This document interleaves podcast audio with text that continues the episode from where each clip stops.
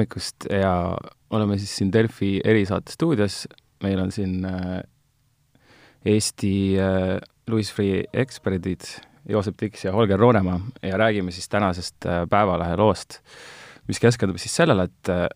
Martin Helme palgatud USA advokaat osales veel hiljaaegu suures rahapesuskandaalis Venemaal. ja kuigi siin loos on palju osapooli, siin on ka Donald Trump ja käivad läbi mitmed äh,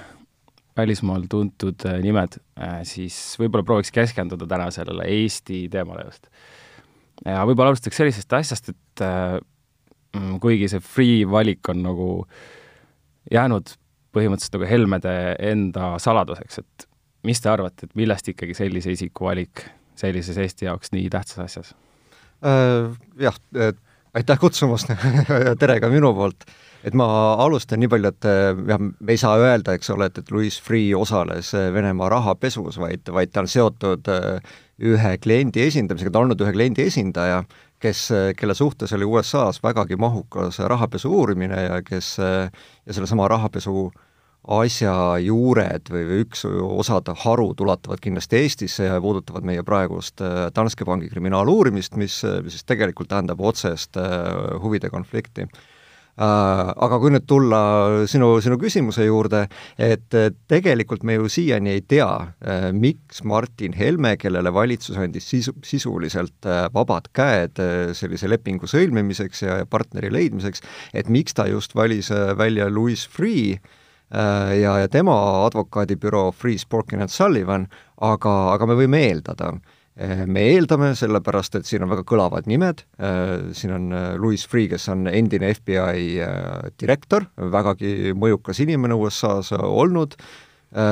üks tema läheda, lähedasi kolleege, kes ka meie asjaga, nii-öelda selle Danske asjaga peaks tegelema hakkama, on endine Interpoli juht et ma arvan, et, et selline nii-öelda name drop imine on, on küllalt oluline osa sellest, et miks Martin Helme ja tema poliitilised nõunikud just selle büroo kasuks otsustasid,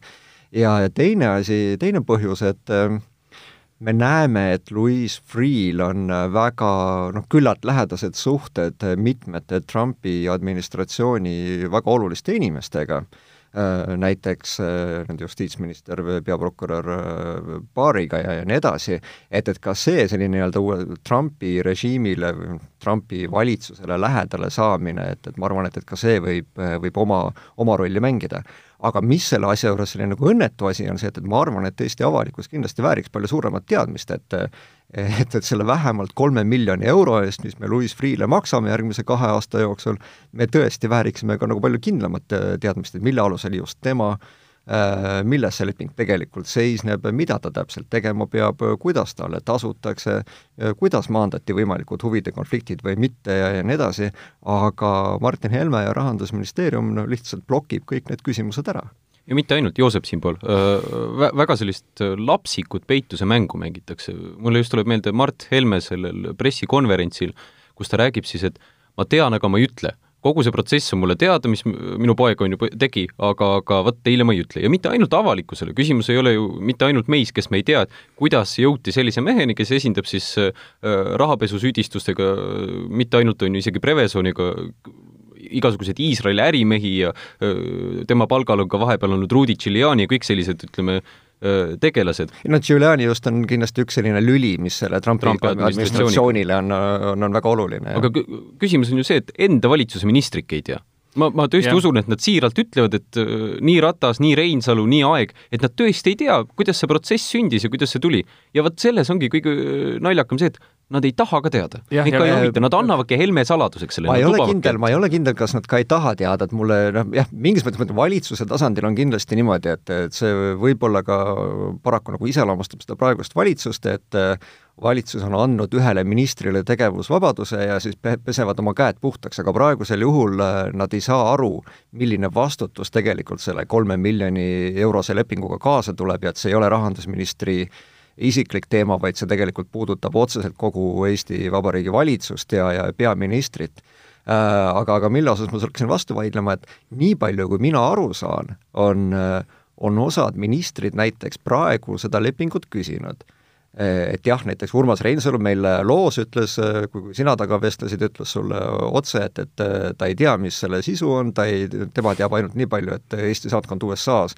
esitas mingi avalikel andmetel põhineva noh, küllalt, küllalt pealiskaudse ja kiirelt tehtud taustakontrolli, eks ole, aga, aga kõike, mis edasi toimus, Reinsalu ütleb, et ta ei tea ja teda nagu väga ei huvita ka. küll aga saan ma aru, et Justiitsministeerium, kes peaks hakkama väga otseselt koostööd tegema sellesama Louis Freeh'ga, kelle haldusalas äh, see nagu väga tugevalt puudutab, näiteks prokuratuuri, äh, nemad on üritanud seda lepingut kätte saada, ja ei ole õnnestunud? ja ei ole õnnestunud. ja, ja ka nendele küsimustele ei ole Rahandusministeerium siiani kell kümme null kuus, kui me seda salvestame, ei ole mulle vastuseid andnud, et et, et kuidas nad sellist olukorda siis äh, omalt poolt kommenteerivad, et kui Eesti Vabariigi valitsuse üks minister ei saa sellist lepingut äh, kätte, noh, minu teabenõudele, kes ma küsisin äh, kolm nädalat, nägin vaeva, et seda lepingut kätte saada, ja rahandusminister, ministeerium laskis üle noh, kõik tähtajad ja lõpuks keeldus täielikult täitmast seda teabenõuet. Et mina minuks, kuigi avalikkuse jaoks on see hästi oluline, aga kui teine ministeerium või, või minister ei tea, mis toimub, aga pannakse mingite kohustuste ette, et, et siis ei ole ka päris normaalne minu, minu meelest ühes äh, tervislikus äh, ühiskonnas. võib-olla isegi need vaikused on väga kõnekad, kas või olgu see Reinsalu puhul, kui ma küsin temalt seda, et, et äh, kas tema ise oleks andnud allkirja, siis ta mõtleb natuke aega, on vaikne ja siis ütleb alles, et see on Rahandusministeeriumi asi, kus võiks ja, sellest vaikusest väga palju välja lugeda. nagu üks ministeeriumi ametnik ütles mulle omavahelises vestluses väga hästi, et et eks me jutumärkides see, see kõlas umbes niimoodi, et eh, eks me peame vaatama, et eh, kui palju me jätame Martin Helme üksi seda suppi sööma. et noh, minu meelest see ütleb päris palju ei huvitav jah, et äh, nii tähtis asi, valitsus on seda ühe korra arutanud, ütlevad, et huvide konflikti ei ole, siis Rahandusministeerium ütleb, aga ometi salastatakse kogu Freeh siis ülesannetega seotud info jah, alates äh, sellest, mille järgi üldse esimesed bürood kutsuti nii-öelda kandideerima, kuidas nad leiti. missugune see hange oli, ega me ju ei tea, tehti ostulepinguks lihtsalt. jah, täpselt, just sellest ma tahtsingi rääkida. ma ostan pastakaid väikeostule, aga nemad ostavad kolmemiljonilisi büroosid. ja siis kuskil väidetavalt pidid nad täitma Rahandusministeeriumi jutu järgi väga põhjaliku küsimustiku, kas see oli kaheksateist või üheksateist küsimust, aga mis need küsimused on näiteks, see on äh, täiesti salajane. milline on üldse see plaan, et kuidas jõuda selle kauaoodatud kümnete sadade või, või miljardite, sadade miljonite või, või, või miljardite eurode kättesaamine, et milline üldse see üldine plaan peaks olema, et see on täiesti noh, ma ei tea, kolmas teema võrreldes sellega, mis me praegu räägime, aga aga meil ei ole mitte kuskil seda selgitatud ja mitmed eksperdid on, on, on väga, väga, väga skeptilised selles osas, et, et kuidas see üldse välja näha võiks. ja ma lisaks siia ka neljanda teema, mida arutada, on see, et kas see uurimine, mis Louis Freeh teeb, toimub paralleelselt või koostöös Eesti asutustega. ja kui see on paralleelne, mis selle tulemusega siis tehakse, et ütleme, prokuratuur jõuab ühe tulemuseni, Louis Freeh jõuab teise tulemuseni ja on varemgi olnud näiteid seda, kus Louis Freeh uurimine toob mingisuguse tulemuse, mis siis hiljem kuskil kohtus ümber lükatakse ja nii edasi, mis on mitte niivõrd niivõrd äh, advokaadi kui et lobisti. jah, siin on iseenesest nagu hästi huvitav küsimus on see, et, et mida see Louis Freeh siis äh, tegelikult üldse tegema palgati. Äh, meile on Martin Helme siiamaani serveerinud seda, et ta tuleb meile kahjutasu tooma, ta tuleb meile väga palju, väga palju raha tooma ja ka mis seda tõestab? ja ma tahtsin just öelda, et mis see lootus seda kätte saada on ju ja just täpselt, et meil, meil tuuakse siin paralleele mingisuguste noh, rahvusvaheliste korruptsiooni altkäemaksu suurte juhtumitega näiteks, et kus osad ri-, osad riigid on, on saanud seda kahjutasu, eks ole, aga analoogses case'is, analoogsed pretsedendid minu meelest kõik puuduvad. et me üritame Eestit näidata, näidata ohvrina, kannatanuna, kannatanuna selles, selles asjas ja nagu see Louis Freeh ütles pressikonverentsil, et tema hakkab, tema üks ülesanne on kokku arvutada, kui suur oli see Eesti kahju, et, et esiteks selline otsene rahaline kahju, mis me oleme kannatanud, ja teiseks siis selline äh, kaudne kahju ehk siis mainekahju. ja no ma ei kujuta ette, et kuidas on sellist asja võimalik äh, kokku lüüa, et, et punkt üks, et, et nagu otsest kahju Eesti ei ole väga palju saanud, kui, kui üldse, et minu arusaamist järgi otsene kahju on ainult äh, menetluse uurimiskulud, millega praegu äh, noh, millega varem tegelenud Finantsinspektsioon, millega nüüd tegeleb äh, prokuratuur ja Keskkriminaalpolitsei ja nii edasi, aga see ei olnud, äh, see raha, mis siit Eesti pankadest läbi läks, ei, ei olnud eestlaste tagant varastatud, et see oli, see oli ju puhtalt äh, Venemaa ja teiste taoliste, taoliste riikide juurest tulnud must või, või, või rahapesu kahtlusega raha, eks ole et, et see Louis Freeh ise on hakanud kuidagi sealsamal pressikonverentsil, kus ta on ain-, ainuke koht, kus ta on selgitanud oma rolli, ta, ta sellele rahale üldse nii palju ei keskendunud tegelikult et tema maalis neid pilte, pilte hoopis, hoopis teistsuguseid. ta ütles kahte asja, et ta on partner Eestile USA vahel, ehk siis ma ei tea, kas mingisugune institutsioon lükatakse sellest suhtlusest välja siis ja Louis Freeh jääb vahemeheks rahandusministeeri-, ministeeriumi arvates. ja teine on see, et, et ta tõesti hakkab äh, põhjalikku uurimist läbi viima selles äh, Danske panga rahapesus. no need olid need rollid, mis ta enda peale võttis, mida muidu seni on täitnud äh, siis prokuratuur, Justiitsministeerium ja Rahapesu Andmebüroo, et väga huvitav, et selline mees, kellel kusjuures noh, vähemalt avalikke andmeid vaadates ei ole isegi viimase kahekümne aasta jooksul öö, oma karjääris sellist öö, riigi esindamisrolli olnud või ri-, riigi jaoks, vähemalt ma ei leidnud, see, sellist tööd olnud, vaid ju just vastupidi, teisel pool künnist, et ta on esindanud ju kõiki neid, kes on siit-sealt sanktsioonide alla sattunud või midagi pahandust teinud, et kogemusi on tal küll. tooks nagu veel, veel ühe dimensiooni siia, siia juurde, et kui äh, Louise Freeh nüüd tõesti, et, et ta peaks äh, saama näiteks andmeid Eesti uurimisasutustelt, et see on üks selline peamine ju vaidlusküsimusi, et, et kui palju Eesti uurimisasutused ja prokuratuur peaksid jagama meie kriminaalmenetluste andmeid ja, nii edasi, et prokuratuur on ettevaatlikult öelnud, et äh, nad ei taha mitte midagi anda, aga, aga nad on justkui valmis midagi arutama või kuulama. aga kui me näeme, et, et sellel äh, mehel Äh, on huvide konflikt, et ta on esindanud ühte ettevõtet, kes otseselt seostub, äh, kellega seotud äh, rahapesu kahtlustus, mis tänu Louis Freeh'le ei saanud USA kohtus kinnitust, et Louis Freeh' suur töö ja teene oli see, et, et jõuti kohtuvälisele kokkuleppele, mis tähendab, et seesama Prevezoni me ei saa öelda, et nad olid rahapesijad, kuna Louis Freeh' töövõit oli ka see, et selles kokkuleppe teksti järgi pidi Prevezon maksma viis koma üheksa miljonit äh, dollarit äh, raha, mida ei tohtinud nimetada trahviks, äh, oli kokkuleppe tekstis kirjas, sealt puudub igasugune nii-öelda nimeline viide Magnitskile, Magnitski skandaalile ja sellega seotud rahapesule, kuigi eelnev kriminaalmenetlus puudutas just ja ainult, ainult seda ja, ja kolmandaks, et, et selle raha maksmisega oli eraldi kirjas, et Prevezon ei, ei tunnista oma süüd. ehk siis tegelikult äh, on selline äh, kohtuväline kokkulepe, milles äh, Prevezon maksab ligi kuus miljonit dollarit ja mitte ühtegi äkki ei jää. me ei saa nii-öelda vormiliselt öelda, et näe, nemad olid rahapesijad, kuna ükski tõend ei ole kohtulikku vaidlust, vaidlust läbinud, et et see oli, see oli Prevezoni jaoks tegelikult väga, väga kõva tulemus väga,, väga-väga hea võit, et nad, et nad sellise, sellise asja said. aga millest mu pikk tiraad siin algas, tahtsin selleni välja jõuda, et kui me näeme, et, et meil on ikkagi huvide konfliktiga esindaja, kes, kes on mänginud nii-öelda teise poole kasuks, ehk siis äh, Äh, Venemaalt pärineva, pärinevate rahapesijate esindaja, rahapesukahtlusega inimeste esindaja on ta olnud, et kuidas see mõjutab siis äh, kõiki neid teisi riike, kes peaksid analoogsetes asjades Eestiga koostööd tegema kriminaaluurimistes näiteks? äh, kui palju nad tahavad Eestiga andmeid jagada. võtame sellesama USA näiteks, kes, kes, kes aitab Eesti kriminaaluurimist kindlasti. Siin on veel vähemalt kümne erineva, erineva riigiga käib siin uurimisalane koostöö. ja kui nad, kui nad näevad, et see info võib minna nii-öelda lappama või kelle kätte, kelle, kelle huvides polda, polda, ei, ei olda veendunud, siis ma küll ei välistaks, et nad väga hea meelega Eesti uurijatega edaspidi, edaspidi oma, oma infot jagavad. jah, ja võib-olla küsiks ka sellist asja vahepeal, et äh, kuidas see Freeh enda reaktsioon on olnud sellele kõigele, sellele loole? see on väga no, huvitav. see on ju tema sekretär, kes on saatnud need, selle ähm, jah, äh, PDF-i, et äh, Louis Freeh, kuigi ke-, kes on esindanud neid kõiki asju, äh, et see ei olnud see mitte üks tema ettevõte, vaid teine tema ettevõte. ta isegi ei ütle ja. niimoodi, et see on nagu täiesti hämmastav, et, et nende ja ma, ma ei mõista seda loogikat, et nende, nende tõlgenduse järgi ei ole Louis Freeh ega keegi teine, rääkimata sellest advokaadibüroost, kordagi Prevezoni esindanud ega sellest raha saanud. ja, ja nad väidavad seda nagu väga tuima järjekindlusega äh,, ja kui me küsime täiendavaid küsimusi, et, et palun siis selgitage, et äh, milline on olnud äh, Louis Freeh ja, ja Prevezoni äh, omavaheline seos või, või nende suhte iseloom, et siis nad ignoreerivad, ei vasta nendele ei, üks vastus oli, kõik meediast võetud vastused on valed. jah, aga noh, ega õnneks,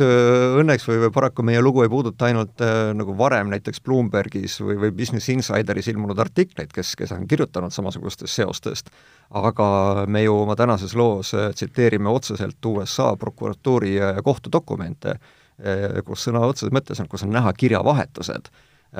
prokuröri ja Louis Freeh vahel äh, just Prevesoni kokkuleppele jõudmise, jõudmise küsimuses. Äh, ja, ja kus mujalgi nimetatakse Louis Freeh'd nagu läbivalt Prevesoni palgatud esindajaks. ja no tausta lahti rääkides, seal on kaks ettevõtet, üks on see Free Sporkin ja Sullivan ja teine on siis Free Consultation Group või ma ei mäleta täpselt, mis selle teise nimi oli, aga ka kaks ide-, suhteliselt, kui koduleht lahti lüüa, identset ettevõtet, et töötajad on samad, koduleht on disainilt isegi täpselt sama, üks no, lingib teisele, aga ja, ja ametlikud kehad. Nende meiliaadressid lähevad täpselt sama freegroup.com aadressi pidi välja. aga, aga see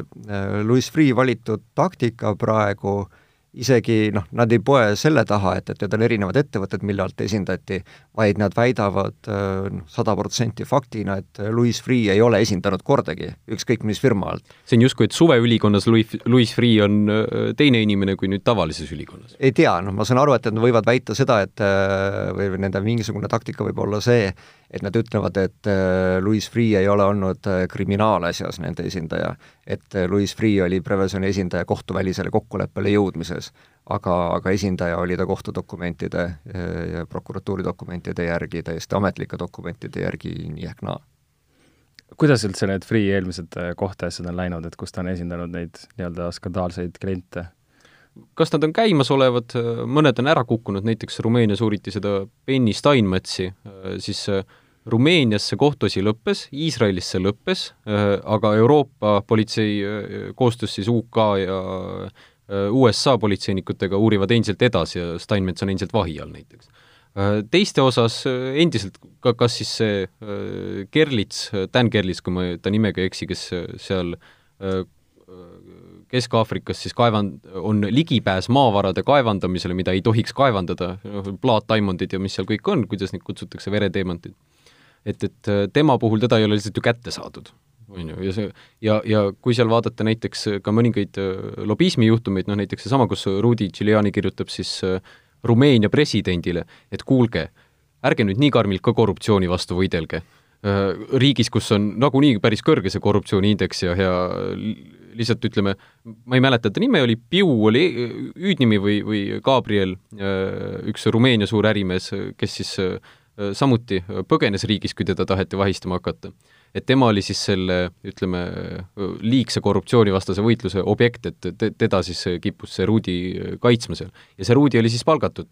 jällegi Louis Freeh poolt justkui et lobistiks. et ega ta ei tegutse ju nii-öelda isegi ainult advokaadi rindel, vaid, vaid siiski tegemist on mõjumehega, kes, kes vaatab, et väga selgelt saaks tema juhtumid kotti ja võib-olla on ka juhtumid, millest me ei kirjutanud, mis on lõpetatud, mees on ka väga aktiivne spordimaailmas, kus öö, oli USA-s äh, suur skandaal siis Pennsylvania äh, ülikooli üle, kus seal oli üks äh, ahistamisskandaal, kus ta tegi siis dokumendi, mis inkrimineeris inimest ja mi-, mille üle läks väga suur kohtuvaidlus lahti. Ja ma jään praegu vastuse võlgu, kuidas see nüüd lõppes, tohutu skandaal oli sellega, ja teine oli siis ma arvan, et jalgpalliarmastajatele väga legendaarne nimi Seth Blatter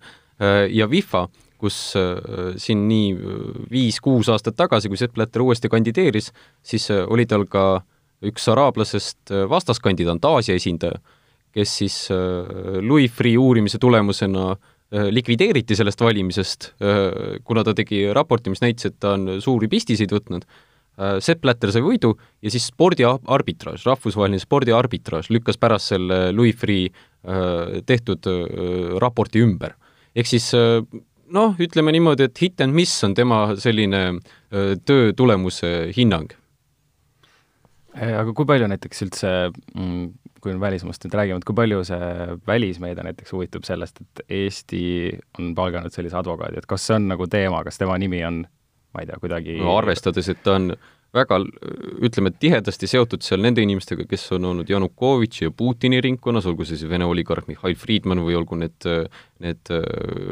jälle nimi ei tule meelde, need kaks Ukraina suurpoliitikut, üks oli endine administratsioonijuht ja majandusminister isegi,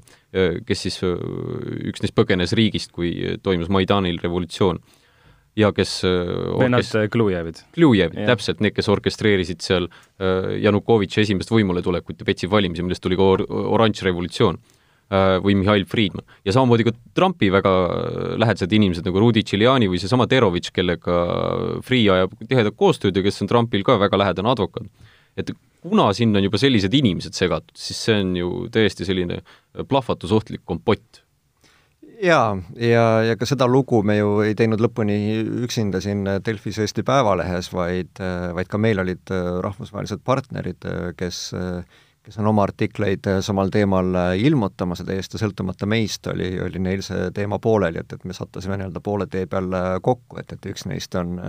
uuriva ajakirjanduse selline keskus Dossier Center ja, ja teine on USA äh, Äh, üks sellise tugevama uudistetoimetusega väljaandeid või Daily Beast, nii et, et, et see teema on kindlasti selline äh, noh, suured rahad, tuntud inimesed, konfliktne situatsioon, et, et see on selline teema, mis, mis kindlasti võimendub ka, ka väljaspool Eesti piire ja mis omakorda, et nagu me siin enne, enne arutasime, et äh, võib kaasa tuua ka sellise üldise usaldamatuse Eestis selle, kogu selle kriminaal, rahapesu kriminaaluurimiste edenemise kohta? ma arvan, et Louis Freeh renomee ei ole selline, mida enamus või ükski maailma selline demokraatlik õigusriik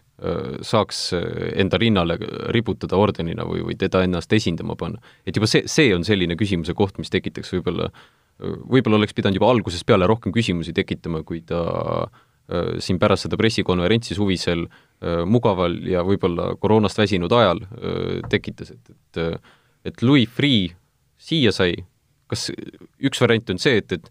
me näeme ainult tonte ja, ja tema see email, mis ütleb, et kõik meedias räägitud on vale, võiks justkui ette olla ammendav, on ju, või teine variant on see, et, et Martin Helme lasi rebase kanalasse.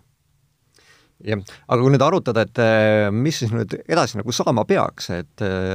meie kirjutame lugusid, me arutame seda podcast ides, võib-olla Twitteris natukene kihab ühe päeva, aga, aga mis edasi saab et siis minule tundub küll, et, et see on see koht, kus äh, Jüri Ratas enam ei saa öelda, et äh, Vabariigi Valitsus on ühe korra seda teemat arutanud, äh, kahekümne kuuendal märtsil, teadmata midagi nende ettevõtete taustast teadmata, süvenemata, et kellega, kuidas edasi minnakse ja et äh, ongi korras, et unustatakse see ära, et, et las see rahandusminister Martin Helme saab siis oma seda kolme miljonit eurot kulutada ja, ja vastu, vastu rinda taguda. et minu meelest see on nüüd kindlasti see, see koht, kus kohas äh, on Jüri Ratase vastutusel, on see, et me peame selles küsimuses selguse saama minu meelest sellest äh, lepingust äh, peaks äh, saama mõistlik osa vähemalt avalikuks. Ja, ja meil on vaja selgeid nagu arusaama ja vastuseid selle kohta, et mismoodi praegune huvide konflikti olukord oli lahendatud või mitte ja millised on võimalused sellest lepingust välja tulemiseks. jah äh,, aga jah, jääme ootama siis, mis edasi saab, et kindlasti, kindlasti sellele tuleb jätk, et äh, ei ole, ei ole teist võimalustki huvitav, kas mõni õiguslik institutsioon ka reageerib sellele või, või kas on mingisugune kaitsemehhanism, mis suudab piisavalt piirata seda, kui palju Louis Freeh'l on õigusi Eestis tegutseda või kui sügavale ta saab tungida. no vaata, noh, järgmine variant on no, see, et prokuratuur kui, küll keeldub koostööst nii palju, et uurimist segada. et neile ei antagi mingeid andmeid, et siis küsimus on see, et, et äh, mis nad edasi teevad, et kas nad istuvad niisama, võtavad selle kolm miljonit äh, eurot välja või on rahandusminister Martin Helmel endal mingisugused andmed ja materjalid, äh, mida tal kindlasti on, mida tal on võimalik jagada ja mida, mida ta saab jagada. seda enam, et rahandus ka selle kohta me ei tea, et see nii-öelda riik riigis on siin praeguses olukorras nii suur, ja, ja, ja selle Martin Helme riigi ümber on nagu selline äh, kõrge müür ehitatud, millest nagu mitte midagi läbi ei näe. ja, ja, ja lihtsalt sinna on siis nagu valitsus otsustanud äh, kolm miljonit eurot äh, kottides nagu üle selle müüri talle, talle sinna sülle visata, et äh, las ta siis teeb sellega midagi. sest tuletaks meelde, et rahapesu andmebüroo ju liigutatakse politsei alt Rahandusministeeriumi alla, mis tähendab seda, et, et Martin Helmel, ma, ma ei tea ka, kui suured tema volitused hakkavad olema, aga tema informeeritus saab olema kindlasti palju suurem, sest see informatsioon ei pea läbima enam teekonda Elmar Vaherist kuni Mart Helmeni, vaid jõuab otse temani. ja kas ta nüüd seda saadud infot siis, ma ei tea, kas tal on õigus, ütleb rahapesu andmebüroole, et ärge andke prokuratuurile, vaid ma nüüd ise annan selle Louis Freeh'le, mis tekitab juba sellise olukorra, kus üht sellist keha, suurimat keha ausalt öeldes, mis tegeleb rahapesuga Eestis, võidakse hakata noh, mitte selle eesmärgipäraselt kasutama jah, aga jah, suur aitäh, äh, Joosep ja Holger ja taas kuulmiseni, taas kuulmiseni.! kuuleme taas, täpselt